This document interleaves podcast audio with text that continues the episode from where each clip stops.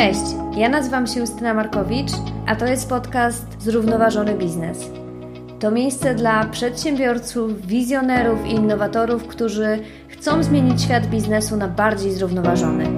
Jeżeli bliski sercu jest Ci model firmy tworzącej wartość dla środowiska i społeczeństwa, to jest to miejsce dla Ciebie.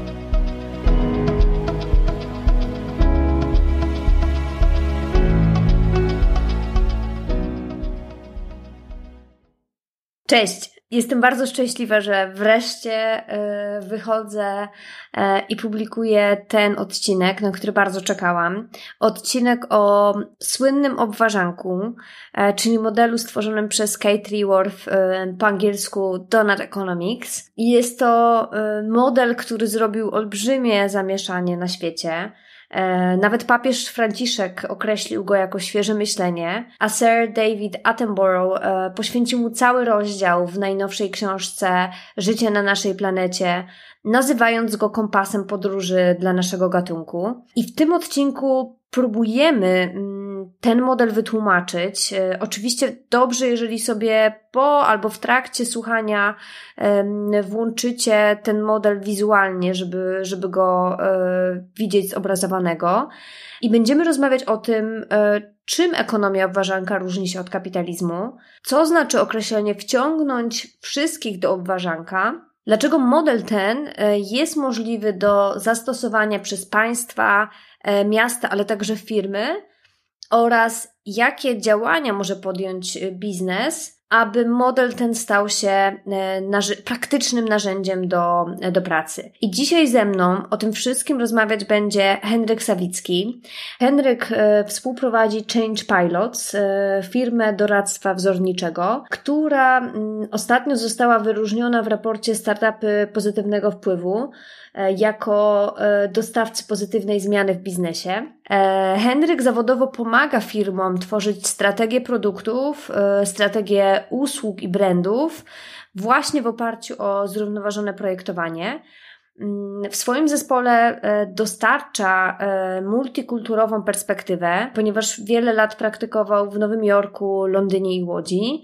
Jest też partnerem w szwedzkiej firmie konsultingowej e, Next Agents, i członkiem think tanków Service Design Polska oraz e, circulardesign.pl. E, jest także mm, koordynatorem programowym corocznej konferencji Design Talks Business Summit oraz wykładowcą e, na kierunku zarządzanie wzornictwem w School of Form oraz e, gościnnie wykłada również przedmiot Circular Design e, na uczelniach w Polsce i za granicą. Hendryk w czasie wolnym uczy jogi, chodzi po górach, e, biega na dłuższe dystanse oraz majsterkuje. Zachęcam Was gorąco do wysłuchania tego odcinka, ale także do tego, żebyście podzielili się opinią, czy Waszym zdaniem ekonomia ważanka jest ekonomią XXI wieku i takim modelem, który powinien być dla nas kompasem na najbliższy czas. Podzielcie się tą opinią e, na LinkedInie, e, Instagramie, Facebooku, Twitterze, YouTubie. No i oczywiście zachęcam Was też gorąco do mm, wsparcia rozwoju podcastu na platformie Patronite. Link do Patronite również umieszczę w, w notatce do, do odcinka. A teraz odcinek. Cześć Henryk. Cześć Justyna. E, bardzo się cieszę, że jesteś e, dzisiaj ze mną. Spotykamy się, żeby porozmawiać o koncepcji stworzonej przez Kate Reward w 2017 roku e, i opisanej w książce Donut Economics, która to doczekała się w tym roku wreszcie polskiego tłumaczenia jako ekonomia obważanka. No i koncepcja ta zyskała sporą e, popularność na arenie międzynarodowej.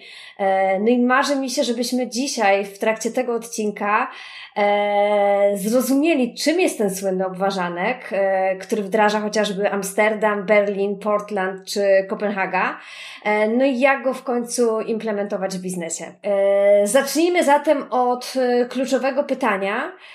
Dlaczego w ogóle Kate stworzyła koncepcję Donut Economics? Rzeczywiście bardzo ważne pytanie, dlaczego w ogóle o tym rozmawiamy. Powód, dla którego ten jest teraz rzeczywiście na ustach wielu ludzi, e, jest to, że zauważamy pewne niedoskonałości w podejściu do ekonomii, które do tej pory stosowano globalnie. Chodzi głównie o wzrost, czyli o takie podejście um, do ekonomii opartej na, na wzroście, o tym, że um, wzrost jest dobry, wzrost jest celem, wzrost jest miernikiem, tak jak e, produkt krajowy brutto. A Kate przypomina nam, że wzrost e, nie może trwać wiecznie i jeżeli wzrost jest kontynuowany stale, staje się zagrożeniem, przeciąża system, tworzy nierówności i tak jak jest to w ekosystemach, e, na przykład w naturze, jeżeli coś wzrasta cały czas, zaczyna zagrażać temu systemowi, w którym istnieje.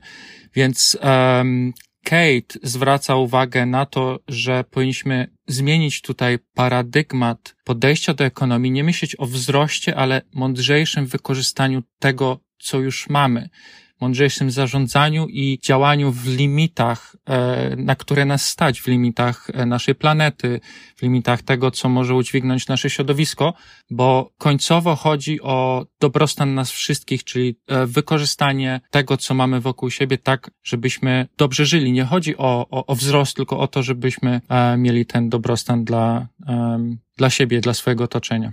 Mhm. Koncepcja o nazwie obważanek, e, czy donat po angielsku, e, może dla części z nas e, brzmieć nieco infantylnie. Część osób może nawet irytować, bo przecież poważna nauka, jaką jest ekonomia, łączymy tutaj z obważankiem.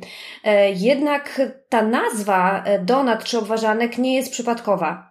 Czy możesz nam hmm. wytłumaczyć dlaczego? No tak, rzeczywiście dla mnie jest to też bardzo fajna nazwa, e, chwytliwa. Wszyscy ją prawdopodobnie zapamiętamy po tym podcaście.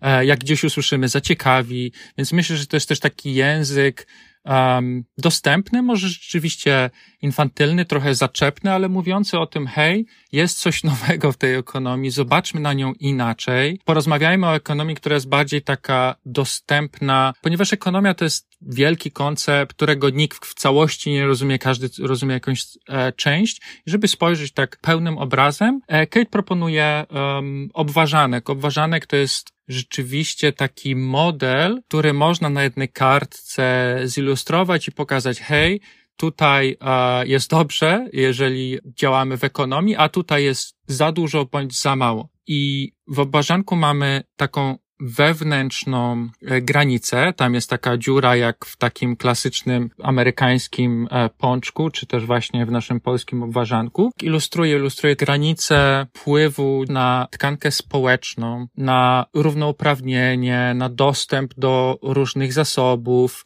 Jeżeli model biznesowy działania e, firmy mogą negatywnie wpływać na tą tkankę społeczną, to od razu to można sobie zmapować na, na tym modelu. Z drugiej strony, patrząc na zewnętrzną warstwę, na zewnętrzną granicę tego, tego modelu, tam się znajduje tak zwany pułap ekologiczny, czyli możemy szybko wrzucić każdą firmę, każdy model biznesowy na model obważanka i zobaczyć, czy on działa negatywnie czy neutralnie, czy nawet pozytywnie na, na tą warstwę ekologiczną. Czyli obważanek nam pozwala mapować własne działania, działania firmy i zobaczyć, czy one działają neutralnie, neg negatywnie czy pozytywnie na tkankę społeczną oraz na um, środowisko ekologiczne. I to jest bardzo ważne, ponieważ to powoduje, że możemy zobaczyć, czy model biznesowy firma jest zrównoważona, czy działa w sposób, który nie powoduje zbyt dużych szkód czasem, albo po prostu szkód mhm. i można dzięki temu zobaczyć i, i zmieniać te modele biznesowe, żeby nie, nie wychodziły poza ten pułap ekologiczny czy społeczny. I to jest ważne, ponieważ jeżeli wychodzi poza e, pułap ekologiczny, to też jednocześnie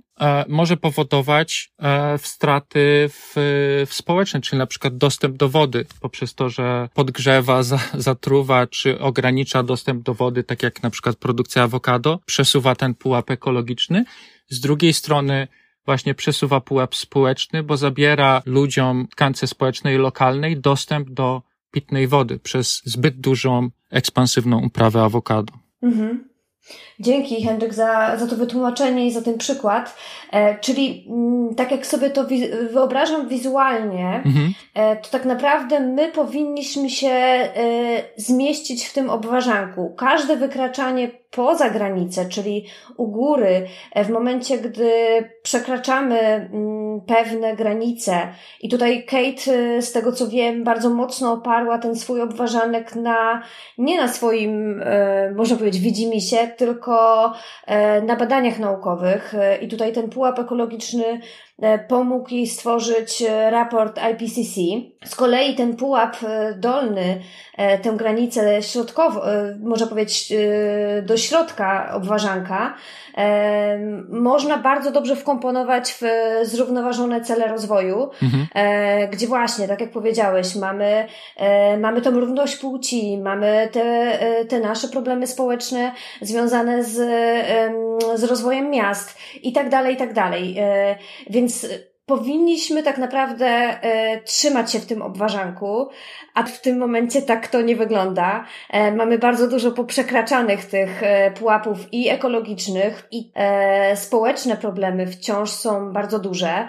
E, I to, co Kate też chyba mocno podkreśla w tej swojej koncepcji, to to, żeby mm, zadbać o wszystkich, nie zadbać tylko o wybranych, e, o tych, którzy już mają dużo, tylko dystrybuować E, ten kapitał. Tak, dokładnie. I to jest też, to też nie jest taki nowy koncept, to jest e, lepiej ekonomicznie uargumentowane, tak jak mówisz, mocno oparte na, na raportach, na badaniach, na, na wynikach naukowych. I jest to też dla mnie taka kontynuacja takiego trochę e, jeszcze lepszego, dla mnie przyjaznego do pracy z firmami, z naszymi klientami, algorytmu, takiego kierunkowskazu. Mhm. My dzięki obważankowi możemy nałożyć każde działanie, każdy pomysł, zanim go zrealizujemy, e, aktualny model biznesowy czy aktualne działania firmy na ten ważanek i zobaczyć, gdzie możemy popełnić błąd.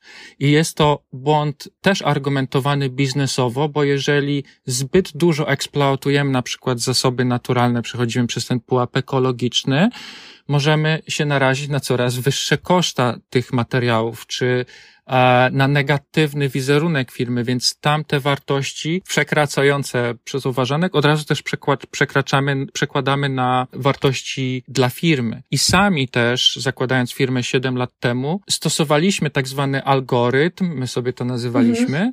gdzie akurat kładliśmy trzy wskaźniki społeczne, ekonomiczne, ekologiczne mhm. i naszym celem było brać projekty, które jak włożymy w ten algorytm, dają nam gwarancję, że żaden z tych trzech fundamentów nie będzie mniejszy niż zero, e, czyli chociażby neutralny, ale musieliśmy się upewnić, że jest, nie ma ryzyka, że wchodząc w relację z klientem będziemy powodować negatywny wpływ społeczny. Dlatego my w swojej historii siedmioletniej zdarzało nam się odmawiać projekty, i nie angażować swojej energii w coś, co e, miało ryzyko, że przez któryś z tych pułapów tutaj przekroczy. Jest to też, poprzednio my korzystaliśmy z triple bottom line, czyli mm, zapomniałem jak to się po polsku mówi, ale to jest taka potrójny właśnie fundament ekonomiczny, społeczny, ekologiczny, który powinien być e, w sercu każdego modelu biznesowego. I my też z tego się e, wy, wywodzimy i stąd się wywodzi nasz algorytm wewnętrzny. I na szczęście też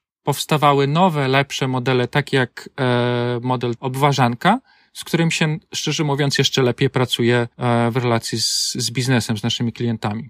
Mhm. E, super, że o tym mówisz, bo od razu pokazujesz nam obważanek w kontekście biznesowym, bo jest to model, który w pewnym sensie odwołuje się i do całej ekonomii świata, ale też można go coraz niżej sprowadzać, e, czy to do właśnie miast, e, co widzimy na przykładach, które już są realizowane, e, i do biznesów.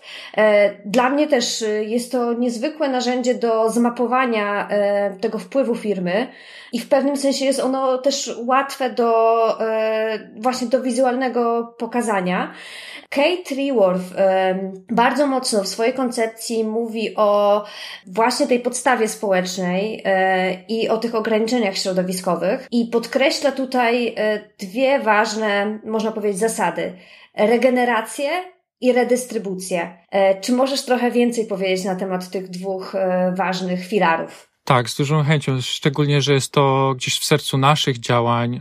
My się zajmujemy projektowaniem strategii, usług, produktów i zasada regeneracji, redystrybucji jest coraz potrzebniejsza, coraz skuteczniejsza, coraz ważniejsza e, w naszej pracy. Już mówię dlaczego.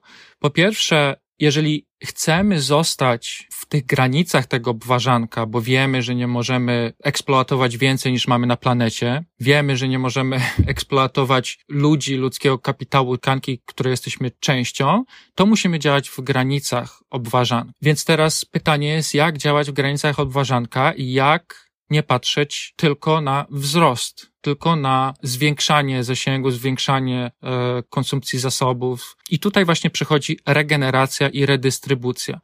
Jest to e, jeden z też takich fundamentów gospodarki obiegu zamkniętego, czyli po raz kolejny ekonomii, która ma swoje limity i w której staramy się wykorzystać to, co już mamy. I stąd ta regeneracja, redystrybucja. W ogóle co jest ciekawe, że ekonomia kiedyś jeszcze w starożytnej Grecji odwoływała się do gospodarzenia, do zarządzania gospodarstwem, czyli do mądrego wykorzystania tego, co mamy w naszym, w naszym otoczeniu, w naszym gospodarstwie, w naszym ograniczonej przestrzeni.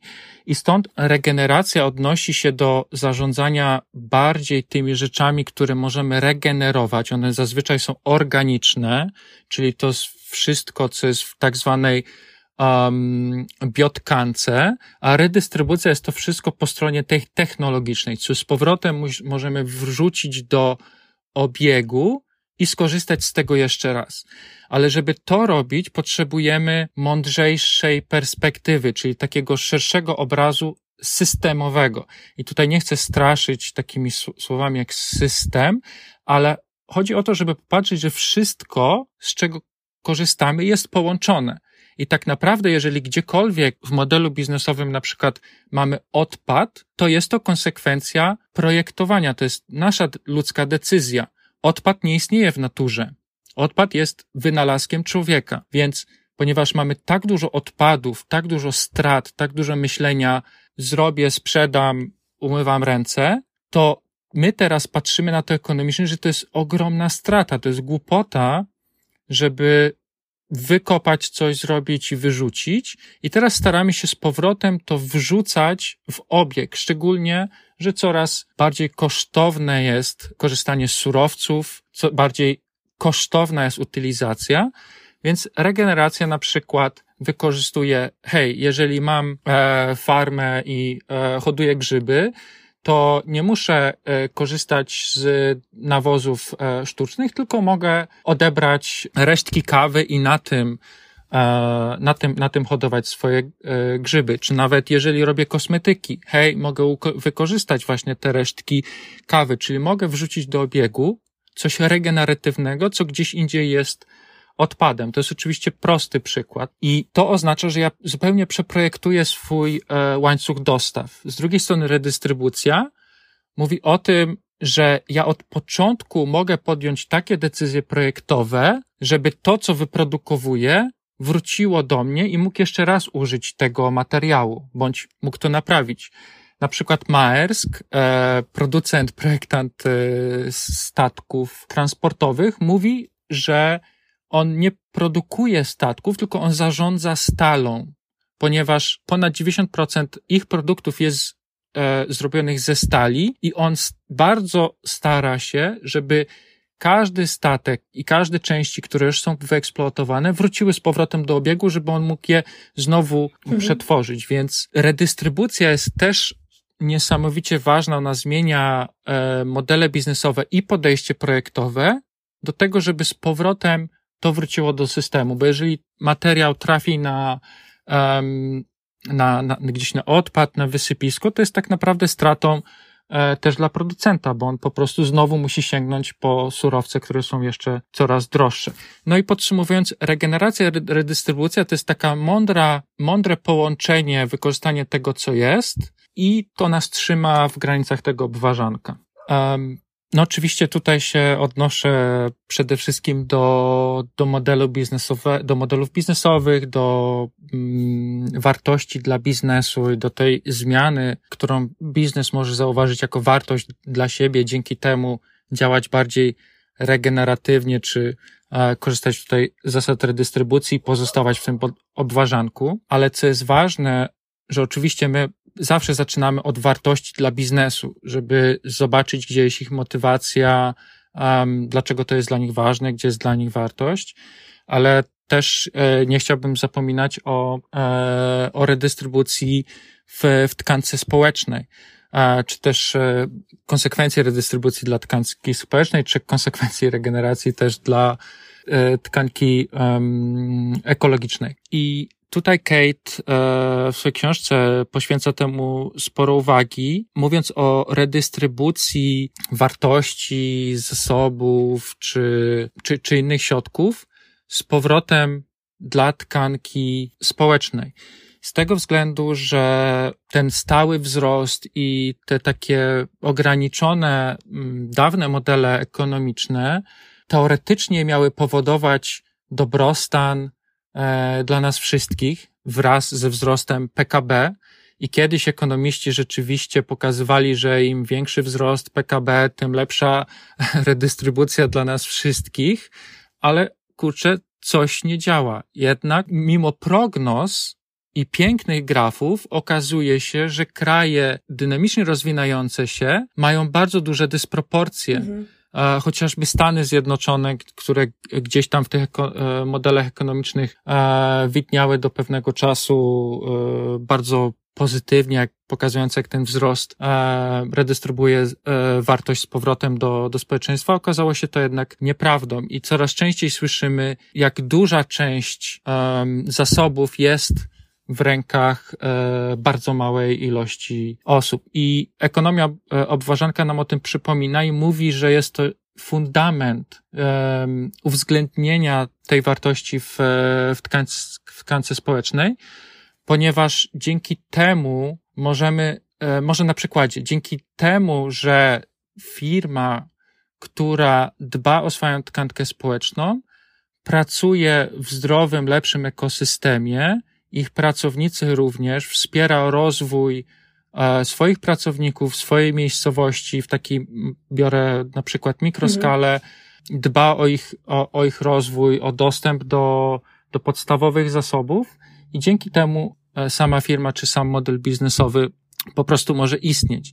Jeżeli um, doprowadzimy do coraz większych nierówności w tej tkance społecznej, tym bardziej to się będzie odbijało z powrotem dla, na, negatywnie na, na modelu biznesowym.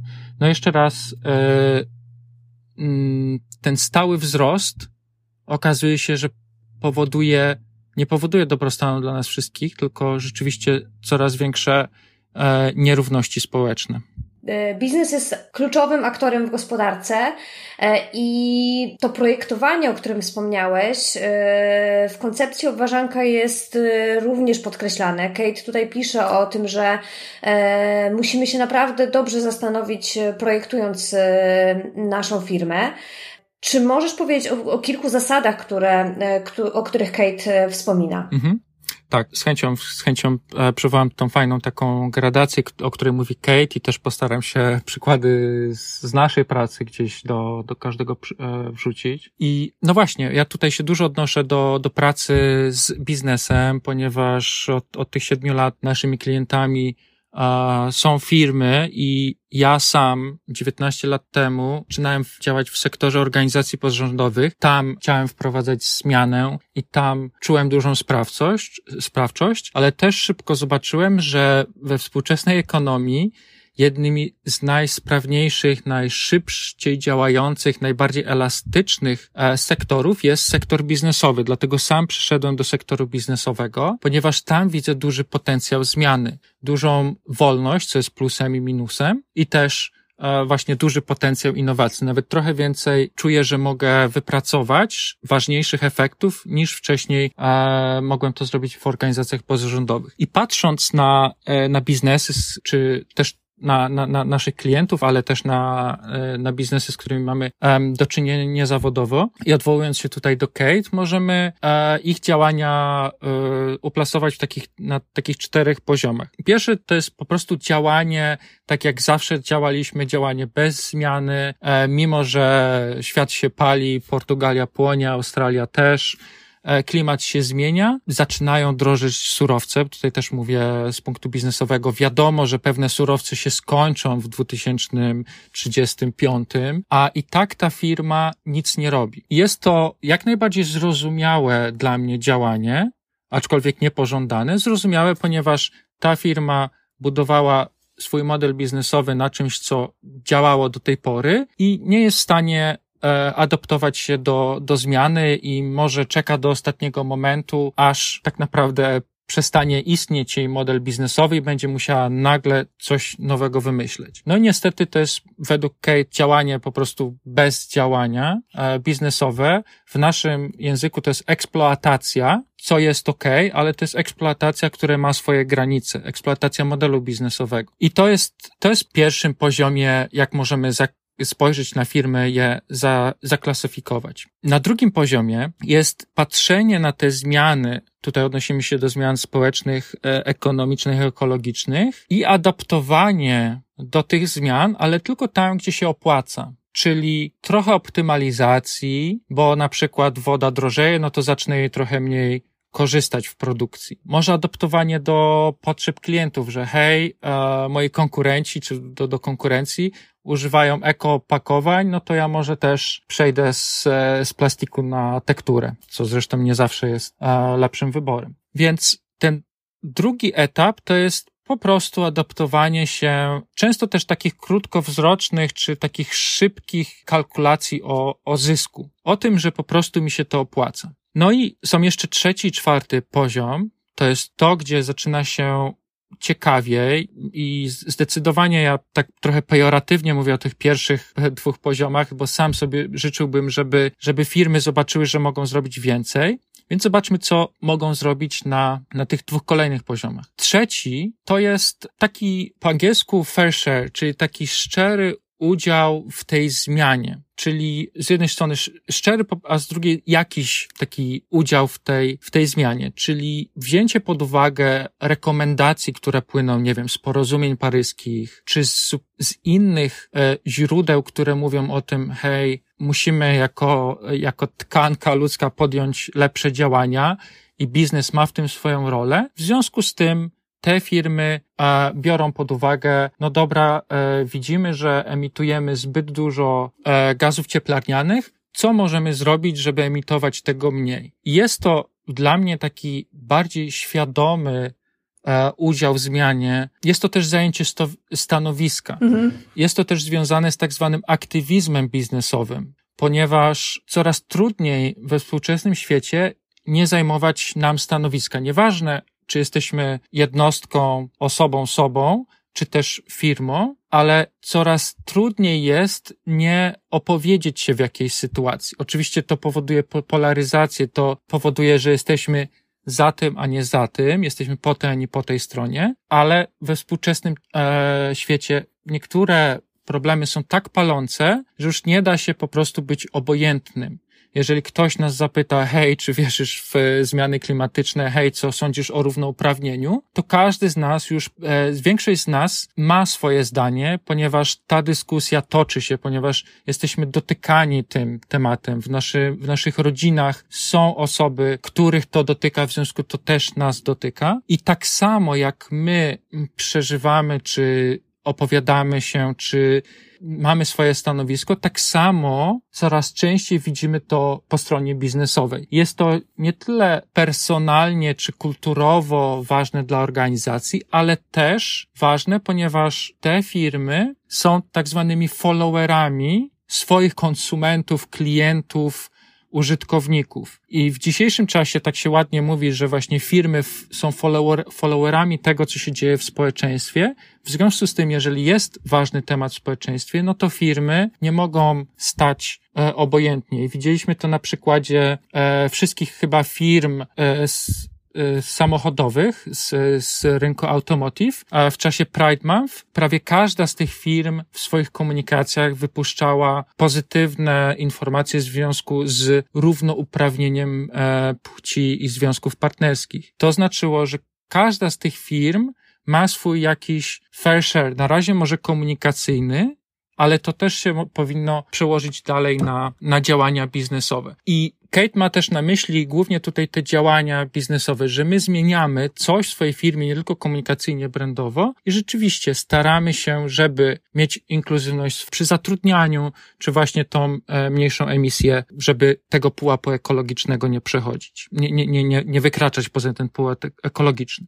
No i, i to już są super działania, to już są ważne, ponieważ bardzo często jak już takie działanie się rozpocznie, to ono się toczy dalej, już trudno się zatrzymać, wycofać. Trzeba już dalej coś, coś robić. Więc czasami oczywiście to są tylko PR, komunikacja, a bardzo często jest to coraz, coraz więcej, bo też się okazuje, że skoro my jesteśmy jako firma followerami głosu, głosu społeczeństwa, to ten głos społeczeństwa zagłosuje na nas poprzez swoją, e, swoje złotówki i kupi nasz produkt, ponieważ mamy wspólne wartości. No i oczywiście czwarty może taki czasami wydaje się utopijny, jak, jak e, nawet w rozmowie z, z biznesem to poruszamy i to jest całkiem zrozumiałe, to jest takie podejście net zero, zero emisji, e, bez e, no harm, czyli z angielskiego nie czyniące szkód społecznych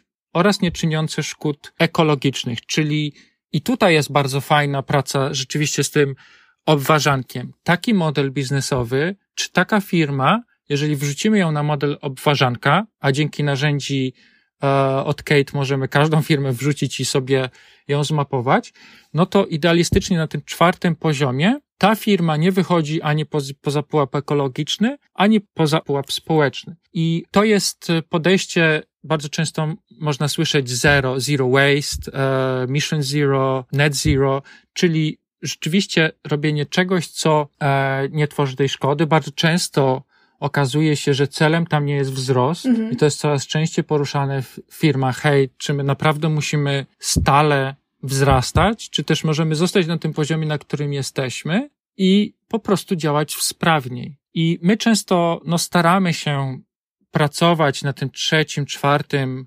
poziomie. Niedawno zresztą zostaliśmy y, też y, z tego powodu włączeni w taki raport 50 startupów pozytywnego wpływu właśnie kategorii dostawca pozytywnej zmiany w biznesie, ponieważ my widzimy, że praca na trzecim i czwartym poziomie rzeczywiście może tą pozytywną zmianę w biznesie wnieść, oczywiście z, jednocześnie dając wartość też tą ekonomiczną. Bo to, co w e, ekonomii obważanka e, czasem jest pomijane, to nie chodzi tylko o to, żeby mieć ten wpływ zerowy na ekologiczny pułap i na społeczny, ale również wpływ, wpływ pozytywny na ekonomiczny, tak żeby firmie opłacało się e, podejmować te działania, co też znaczy opłacało się nie wzrastać. Jest jeszcze ten jeden ostatni etap, yy, czyli poziom, w którym firma realizuje obważanek. Yy, I na czym to będzie polegało? No tak, to jest, e, i to jest ten idealistyczny, e, idealistyczny poziom, który, no jest, który można odwołać bardziej do, albo do startupów, które od początku biorą sobie ten obważanek i układają właściwie model biznesowy tak, żeby ten w tym obważanku zostać oraz żeby w nim wzrastać taką trochę spiralą w, w górę poprzez to, że zostajemy w tym limicie, ale mądrzej działamy, mądrzej gospodar, gospodarujemy tym, co jest, mądrzej to wykorzystujemy, ale jest to też bardzo często e, wytłumaczane na ekosystemach takich jak miejscowości, miasta, wyspy, które tak naprawdę nie mają możliwości działać poza swoim obwarzankiem, ponieważ wszystko, co robią poza obwarzankiem, by im szkodziło. Więc e, ja dlatego bardzo lubię patrzeć na, e, i to się odnosimy do myślenia ekosystemowego, zostania w tym systemie tego obwarzanka i po prostu działania tam sprawniej. I bardzo lubię przykłady wysp, które e, muszą podejmować pewne działania, bo każde wykroczenie poza, e, poza ten obwarzanek to jest tak naprawdę wykraczanie poza zasoby, które ten mały, mały ekosystem, na przykład wyspa, wyspa wykorzystuje. Mhm. E, chociaż ja znam jedną firmę, która można powiedzieć już e, w tym e, modelu mm, działalności takiej w obwarzanku funkcjonuje. Jest to Interface, firma, hmm. która produkuje dywany.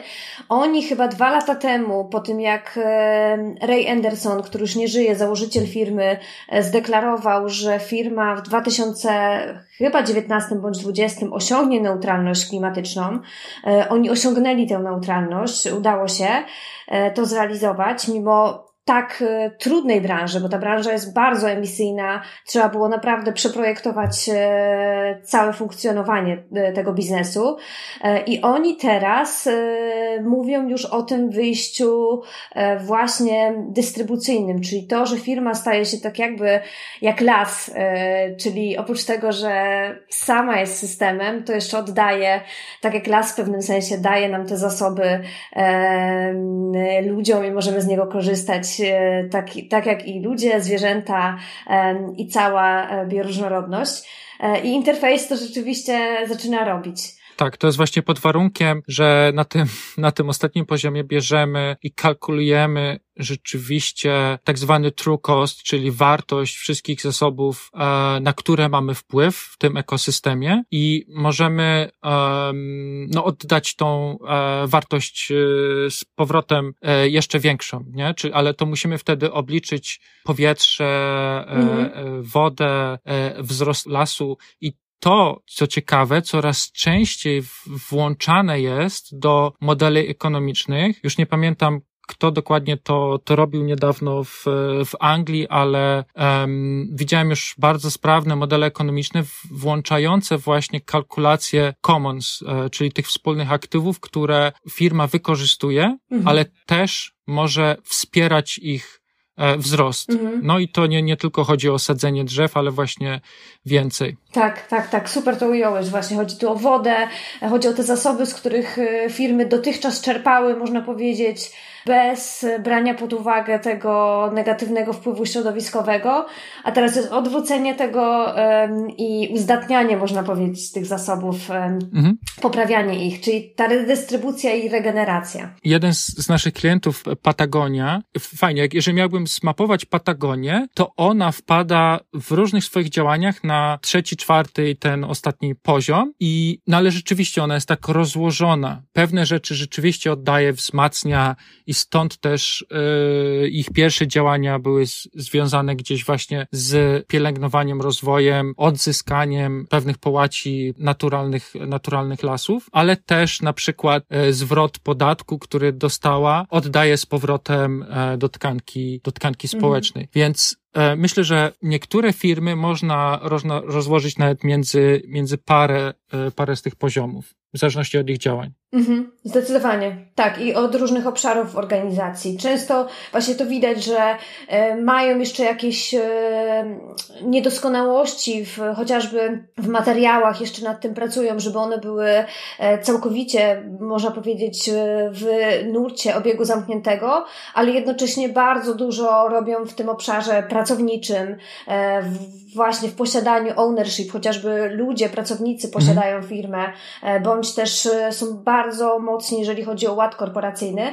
E, więc tak jak powiedziałeś, to, to nie ma, nie jest zero-jedynkowe. To na pewno jest e, dość mhm. złożona matryca, w której moglibyśmy tutaj e, na różnych etapach różne firmy rozłożyć i tak na to należy na pewno spojrzeć. Tak, i, i w, w mojej praktyce ja, ja zawsze y, przypominam, że czy mówimy o gospodarce obiegu zamkniętego, czy tutaj modelu obważanka, to jest coś, co jest wielkie, e, skomplikowane, złożone i nie możemy mieć z tym relacji, czy ja, czy mój klient, dopóki nie znajdziemy jakichś swoich drzwi e, wejściowych do tego mhm. modelu i swojej pracy, którą mamy wykonać e, w jakimś obszarze. Bardzo często drzwi wejściowe, czy to przez równouprawnienie, czy właśnie e, emisję gazów, czy inne drzwi, przez które wchodzimy do tego modelu, możemy zacząć y, zmieniać swój model biznesowy i powodować zmiany. To, co jest ważne dla mnie, pracując z klientami, żeby zawsze znaleźć, kto z nas ma jaką rolę do zrobienia w, ty, w tym modelu, co by było pierwsze dla nas, od czego mamy, możemy zacząć i jak bardzo dynamicznie e, chcemy. Czy chcemy uruchomić nowy startup i postawić na pełną e, eksplorację i zacząć jak najwyżej na tych poziomach, czy też zaczniemy może nawet jednocześnie w tym modelu eksploatacyjnym i zacząć, zaczniemy zmieniać to, na czym zbudowaliśmy swój biznes i tam poszukamy, poszukamy zmian. I to, co też jest dla mnie ważne w takich modelach, żeby żebyśmy mogli odnieść, znaleźć, odnieść się do tego, znaleźć relacje, e, trzeba to właśnie, patrząc na to oczywiście jako, jako całość, znaleźć swój, swoją drogę, czy swój element, tak naprawdę skustomizować swoje podejście do tego. Mhm. Super, że o tym mówisz, Henryk, bo, bo to rzeczywiście jest tak, że mm, na takim początkowym etapie dla firm y, to jest wszystko przytłaczające, bo tych obszarów jest naprawdę dużo, y, ale jak znajdziemy ten jeden, który gdzieś jest też mocno powiązany, dobrze jakby, y, jak jest powiązany z naszym trzonem biznesu, naszym korem, no to wtedy to się zaczyna efekt kuli śniegowej i rzeczywiście można iść w tę stronę coraz mhm. bardziej dynamiczną dynamicznie i, i rozwijać się i zmieniać. Tak, i my zachęcamy właśnie do szczerości na początku, bo takie modele i takie podejścia odpychają bardzo często kogoś, kto ma na celu ustabilizować e, model biznesowy, zapewnić wypłaty swoim pracownikom i ich zatrudnienie i może przerażać, że to jest coś, co wymaga zupełnie innego podejścia i, i nie ma relacji z tym. Właściwie go to, ich to odpycha, więc ja na początku zachęcam bardzo do, do, do szczerości, do odnalezienia e, wartości dla siebie, ale też właśnie tych, tych drzwi wejściowych, bo naszym celem, nieważne z jakich modelów skorzystamy, jest przełożenie tego na język ludzki, na język wdrażania, na język, który nie odstrasza i od razu możemy się tym w jakimś stopniu zająć. Mhm. No właśnie, e, Amsterdam e, jest miastem, który już wdraża mm, ekonomię obważanka, bo część z nas mogłaby mieć takie wrażenie, że jest on właśnie e, idealny, jest pewną wizją, która nie do końca mogłaby być implementowana. No a są już miasta, które rzeczywiście pracują w, w obważanku. W ogóle zespół Kate Reworth ma takie podejście mocno open source'owe e, i oni dzielą się wszystkimi materiałami, które wypracowują e, w ramach e, Donut Economic Action Laba. No i właśnie to wszystko można na bieżąco śledzić na ich stronie internetowej. Powiedz trochę, jak właśnie pracuje się z obważankiem projektowo, jak ten proces wygląda, co jest ważne, żeby wziąć pod uwagę, wdrażając obważanka? Hmm. E, ważne pytania, e, dużo, dużo myślę tutaj e, ważnych też, też, też spostrzeżeń z mojej strony. Po pierwsze, tutaj odwołała się do, do, do miast, jak gdzieś wcześniej już się odwoływałem do miast, do wysp, ale też do zamówień publicznych. To jest w ogóle bardzo ciekawa część, ponieważ miasta, zamówienia publiczne, ci, którzy muszą wykonywać pewne dyrektywy czy, czy zalecenia rządowe czy unijne, są bardzo ciekawymi motorami zmian, ponieważ one, te jednostki, e, znaczy te, te instytucje, ten, ten sektor, w pewnym sensie musi wykonać te, te rzeczy, e, bo ma je zapisane w strategii, teraz potrzebuje podwykonawców. Więc e, bardzo często zamówienia publiczne, czyli to są konkursy, ogłoszenia, gdzie firmy mogą składać swoje swoje propozycje, że wykonają, hej, e, zrobimy tutaj małą architekturę w parku, czy zajmiemy się budowaniem dróg, one są bardzo okraszone tymi wymaganiami związanymi z nieprzekraczaniem właśnie pułapu społecznego, ekologicznego, czy związane z gospodarką obiegu zamkniętego. Bo chciałem powiedzieć, że to jest bardzo fajny driver zmian. E, z drugiej strony, ci, którzy muszą myśleć ekosystemowo, właśnie miasta czy, czy, czy wyspy, one mądrzej patrzą na to, co mają wewnątrz e, siebie i wykorzystują to. coraz częściej widzimy, e, że bioodpady z zarządzania zieleni miejskiej od razu idą do nowych, oczywiście dofinansowanych przetwórni, które stworzą z tego energię, czy paliwo, czy kompost, czy po prostu zamykają to w swoim, e, w swoim obszarze. E, wspomniałeś też o tym, jak się pracuje z obważankiem oraz o tym, że Kate Raworth od razu stworzyła e, Donut Economic Action Lab, gdzie zaprosiła innych agentów zmian, jednostki, organizacje pozarządowe. Słuchajcie, korzystajcie z naszych narzędzi, a jeżeli macie swoje interpretacje tych narzędzi, uploadujcie je mhm. i my je sprawdzimy i podzielimy się nimi. Dzięki temu każdy z nas, każdy agent zmian, czyli ten, który chce podjąć temat obważanka, mądrzejszego wykorzystania tego, co jest, może skorzystać z tych narzędzi. Tam ostatnio patrzyłem, jest ponad 150 narzędzi od Kate oraz oczywiście od, od praktyków, co jest bardzo fajne, mhm. że to, o czym Kate mówi i Action Lab e, ładnie przygotowuje, to przemielają praktycy i mówią, hej, skorzystałem z tego obważanka, a tutaj jest moja wersja, bo się świetnie sprawdza na warsztacie e, z, e, z lokalną społecznością, a ktoś mówi, a tutaj mi się świetnie sprawdza z branżą usługową. Więc my też z tego korzystamy i właśnie to też jest ważne, że ten obważanek nie byłby operacyjny, czyli nie byłby praktyczny, Gdyby nie to, że zapraszani są agenci zmian, czyli osoby, które chcą ten temat podjąć do działania. Po pierwsze są właśnie im narzędzia udostępniania no i oni mogą też dawać co do nich feedback. I mówiąc o agentach zmian, mam na myśli, nie wiem, takie firmy jak, jak my, które po prostu zadają te pytania e, w czasie swojej pracy jako konsultanci czy projektanci w postaci narzędzi. Nie ma nic lepszego niż zadanie ważnego pytania poprzez zadanie warsztatowe czy poprzez matrycę. Tak naprawdę, jak patrzymy na te narzędzia, czy na to, co udostępnia Kate, to tak naprawdę to jest pytanie zawarte w model, który pozwala kilku osobom starać się na to odpowiedzieć. Mhm. Model obważanka, pusty do, do kustomizacji, jest pytaniem, hej, gdzie wasz model biznesowy wypada na tym obważanku? Gdzie wykracza a gdzie może ma niewykorzystany potencjał. I nie ma nic lepszego niż zadanie pytania w sposób roboczy, w sposób też ograniczony, czyli ograniczony. Mamy tutaj ten model, musimy w niego e, się wpisać i od razu daje daj odpowiedzi. I to, co jest ważne w naszej pracy, że my do każdego klienta, czyli do każdej firmy biznesowej podchodzimy e, w sposób spersonalizowany, czyli patrzymy, w którym momencie się znajduje, dlaczego do nas przyszli, co ich zmotywowało, żeby porozmawiać o, o mądrzejszym wykorzystaniu tego, co jest, optymalizacji czy o zmianie wizerunku. Wtedy układamy proces i w ten proces właśnie wkładamy narzędzia. Model obważanka bardzo bardzo fajny jest do tego, żeby zmapować, gdzie jesteśmy, albo jak powstaje jakiś pomysł na nowy model biznesowy, żeby ten model biznesowy po prostu zmapować na obważanku. Co też jest ważne, to w modelach, które proponuje Kate, są też modele wywodzące się z tak zwanego myślenia systemowego, czyli pozwalające pokazać zależność różnych działań czy połączenie różnych działań w systemie, w którym operuje firma. I co jest fajne w, e, w, w myśleniu systemowym jest to, że to nie jest liniowy, klasyczny łańcuch wartości i wydobycie, produkcja, sprzedaż, tylko pokazanie, jak zależne są od siebie pewne rzeczy. Czyli jeżeli wykorzystam więcej tego materiału albo e, zwrócę większą uwagę na tą grupę społeczną, to jaką to ma konsekwencje na mój model biznesowy. Więc każdorazowo do każdej sytuacji naszego klienta e, dobieramy narzędzia, które, które są, e, są akurat najwłaściwsze i najczęściej sprawdzają się właśnie sam model obważanka, czy też takie podstawowe modele, czy narzędzia do pracy z myśleniem systemowym. Mhm.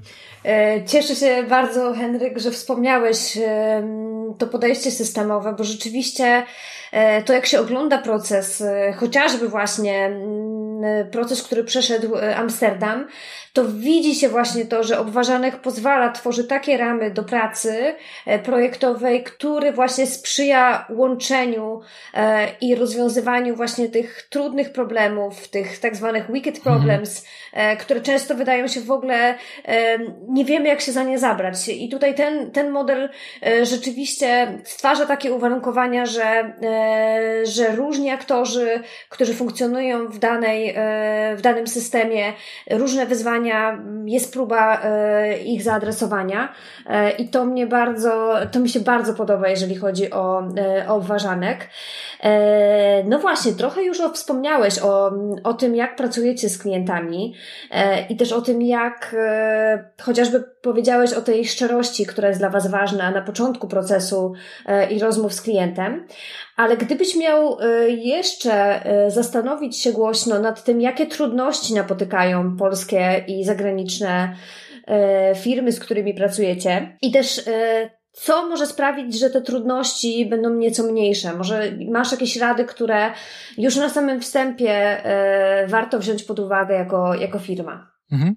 Bardzo chętnie. Myślę, że jest, jest coraz ciekawiej, bo mogę się coraz bardziej odnosić do rzeczywistych przypadków z, z naszej pracy, bo myślę, że naj, najwięcej, jak już zrozumieliśmy, może trochę lepiej te założenia ekonomii obważanka, to najważniejsze jest, jak to jest w, w praktyce. Bo szczerze mówiąc, no fajnie, fajnie, obważanek, ale co ja z tego mam? Albo co to mnie kosztuje? To są rzeczy, które my bezpośrednio czy pośrednio słyszymy i ja też y, staram się cały czas mieć to przed oczami, że fajnie, fajnie obważanek, ale gdzie ja na to znajdę czas? Po co miałbym coś zmieniać? Przecież idzie dobrze. Więc myślę, że na początku najważniejsze jest taki mocny, chłodny prysznic i spojrzenie nie z, e, z perspektywy agenta zmian, ale z perspektywy biznesu czy tej osoby, z której pracuje. Dlaczego to może być dla niej ciekawe? Bo to, że my tutaj jesteśmy, słuchamy, prawdopodobnie każdy, kto słucha, jest w jakimś sensie agentem zmian, ponieważ ze swojej organizacji czy ze swojego ekosystemu jest jednym z pierwszych, który po ten temat wyciąga ucho czy rękę i chce to z powrotem e, wnieść do rozmów ze swoimi współpracownikami, czy nawet do, do pracy, to najważniejsze jest, żeby zobaczyć, dlaczego to jest dla mnie ważne, a w drugiej kolejności, dlaczego to może być ważne mhm. dla innych, czyli spojrzenie z propozycji wartości firmy, a tak naprawdę z propozycji wartości osoby, która może być naszym influencerem. Bardzo często w firmach my nie musimy przekonywać decydentów, właścicieli, prezesów, tylko wspierać agentów zmian od wewnątrz, ponieważ oni mogą albo przestraszyć decydenta, albo go zachęcić. Więc bardzo ważne jest, żeby, jeżeli wspieramy tych agentów zmian, dać im narzędzia, dać im argumenty, dać im sposób podpowiedzi na to, żeby nie przestraszyć, a zachęcić. A jeżeli sami jesteśmy agentami zmian, to żeby właśnie odpowiednio skorzystać i podawać te informacje, ponieważ praca ze zmianą oznacza, że coś przestanie istnieć, coś przestanie mieć znaczenie. I oczywiście łatwo jest, jeżeli, nie wiem, pandemia czy coś innego wymusza i teraz, no dobra, już tamto się zmieniło, przestało istnieć, musimy wymyślić coś nowego, ale jeżeli chcemy coś zmienić, to musimy to właśnie e, z szacunkiem dla wartości tych, którzy są w, w tym modelu, który chcemy zmienić. I, I taki przykład, że jeżeli na przykład pracujemy z sukcesorem, który przejmuje firmę po rodzicach, to w rozmowie z nim możemy wyczuć, że on chce robić coś inaczej, po swojemu, nie tak samo jak rodzice i możemy mu pomóc zrobić to w nowej, świeższej formie i przy okazji w kierunku obważanka.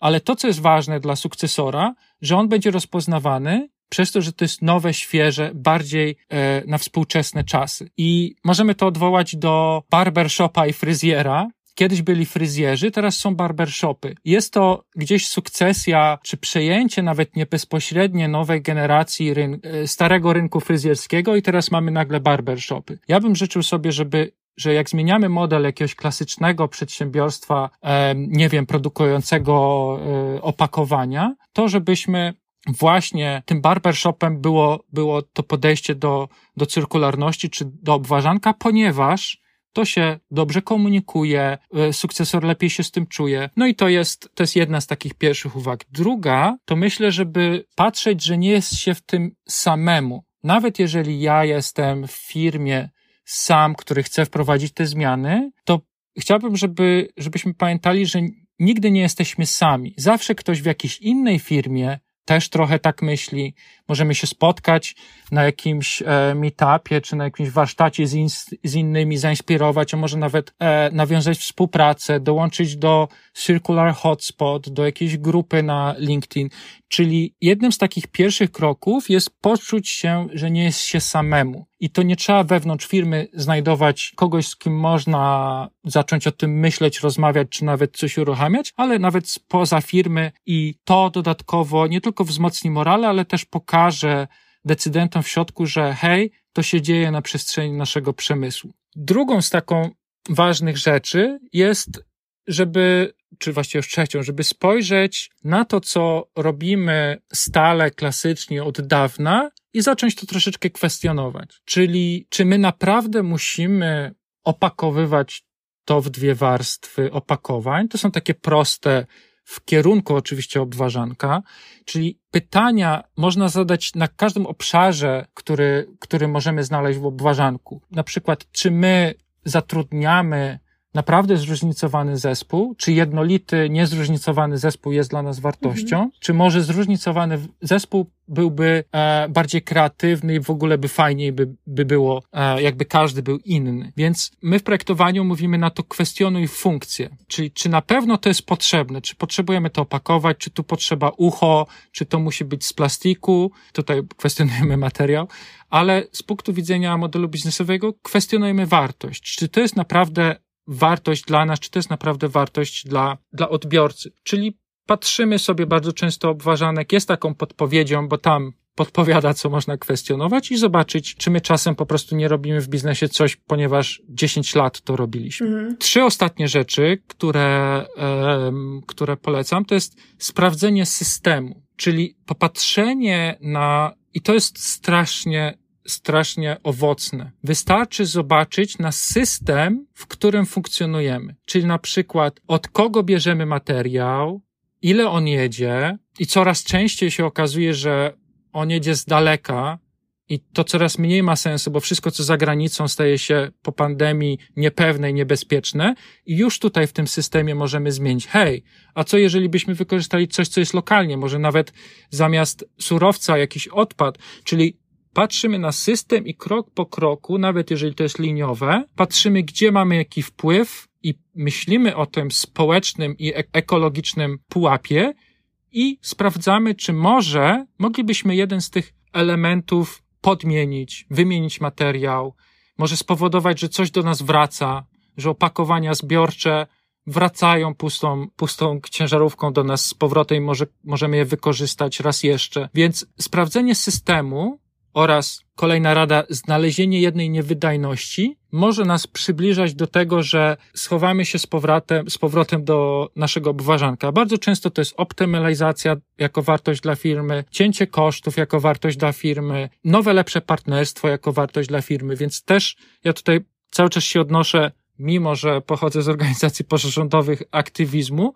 cały czas do wartości biznesowej, bo to musi być wskazane. Bardzo często jest to po prostu niewidoczne. My bardzo często e, mapując system i znajdując niewydajności, dajemy argument, dlaczego jest to niewydajne i dlaczego mamy lepszą propozycję, dlaczego lepiej nam e, wyprodukować coś z lepszego materiału niż ten, który do tej pory był stosowany. Więc my, my mapujemy tą niewydajność i jesteśmy bliżej obważanka, ale wartość, jaką komunikujemy biznesowi, musi, e, musi też być biznesowa. I bardzo często nawet nie musi być to wartość e, szybkiego zysku. I mogę tutaj podać przykład naszego klienta z naszej marki e, szwedzkiej. Tam pracowaliśmy nad e, rozwiązaniem dla grupy, która ma kilka brandów e, supermarketów i pracowaliśmy nad rozwiązaniem, które miało doprowadzić do jeszcze bardziej zrównoważonej konsumpcji.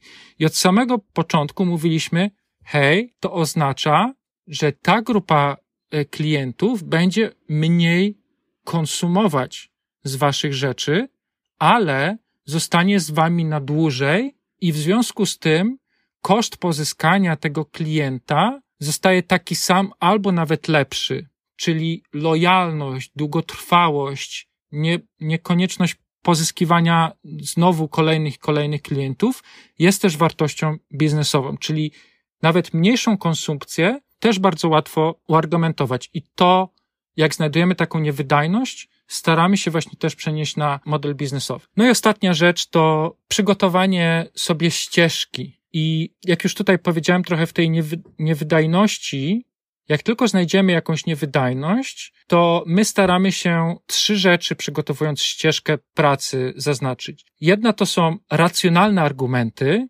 czyli to, zobacz, jeżeli ten klient zostanie z wami e, nie raz kupi, a zostanie na trzy lata lojalny, to y, zwiększa wam się, y, zmniejsza wam się koszt pozyskania klienta. Nie? To jest racjonalny argument.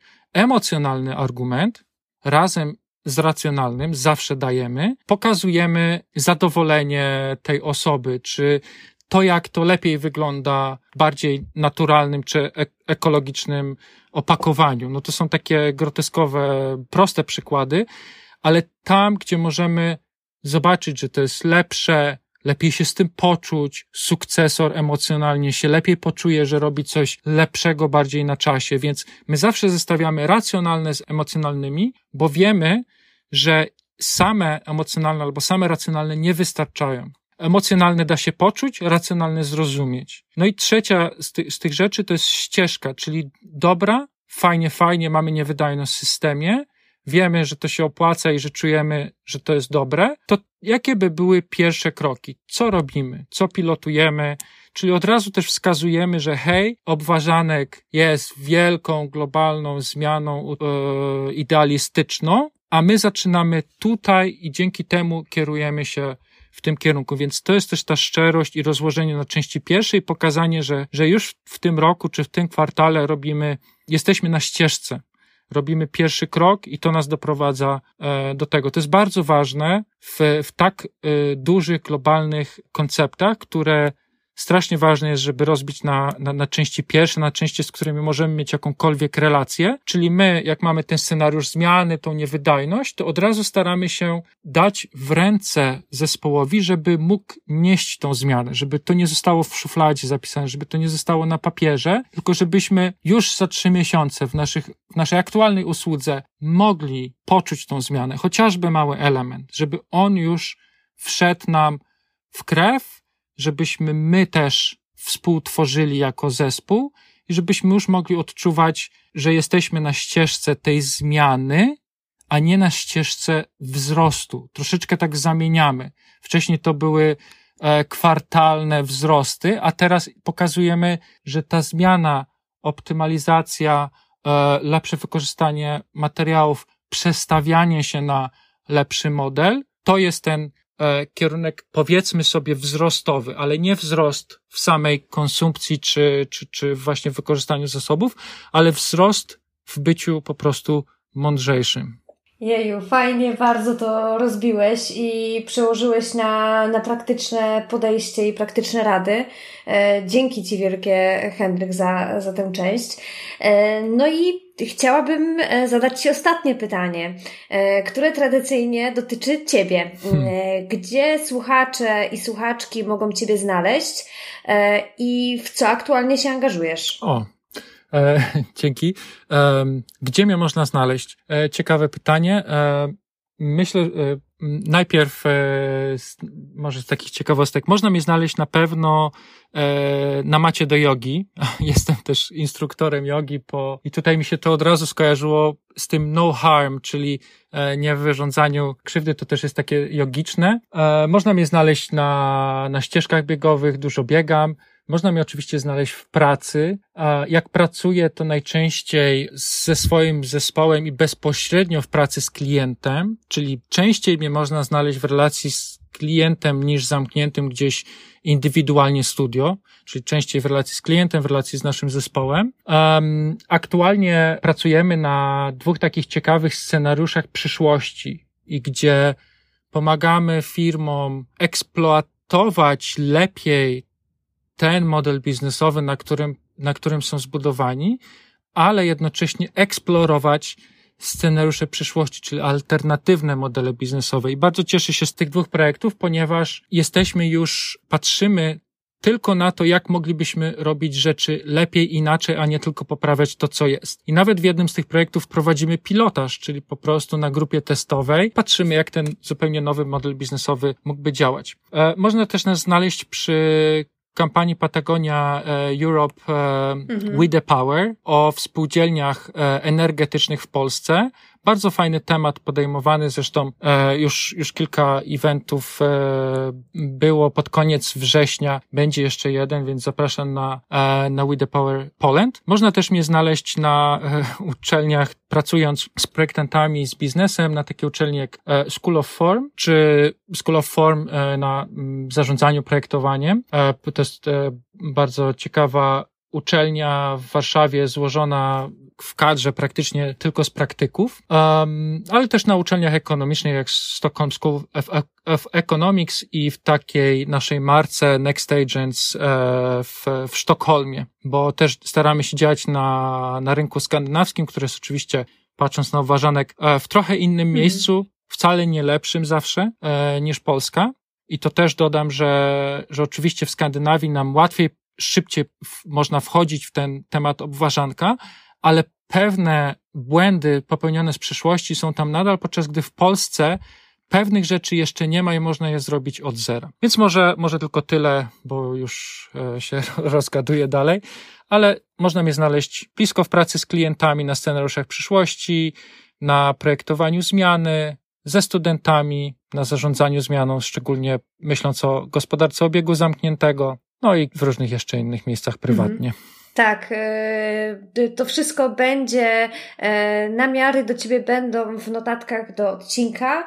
Bardzo, bardzo Ci dziękuję za tę podróż e, z obważankiem i życzę Ci dobrego dnia. Dzięki nawzajem, fajne rozmowy.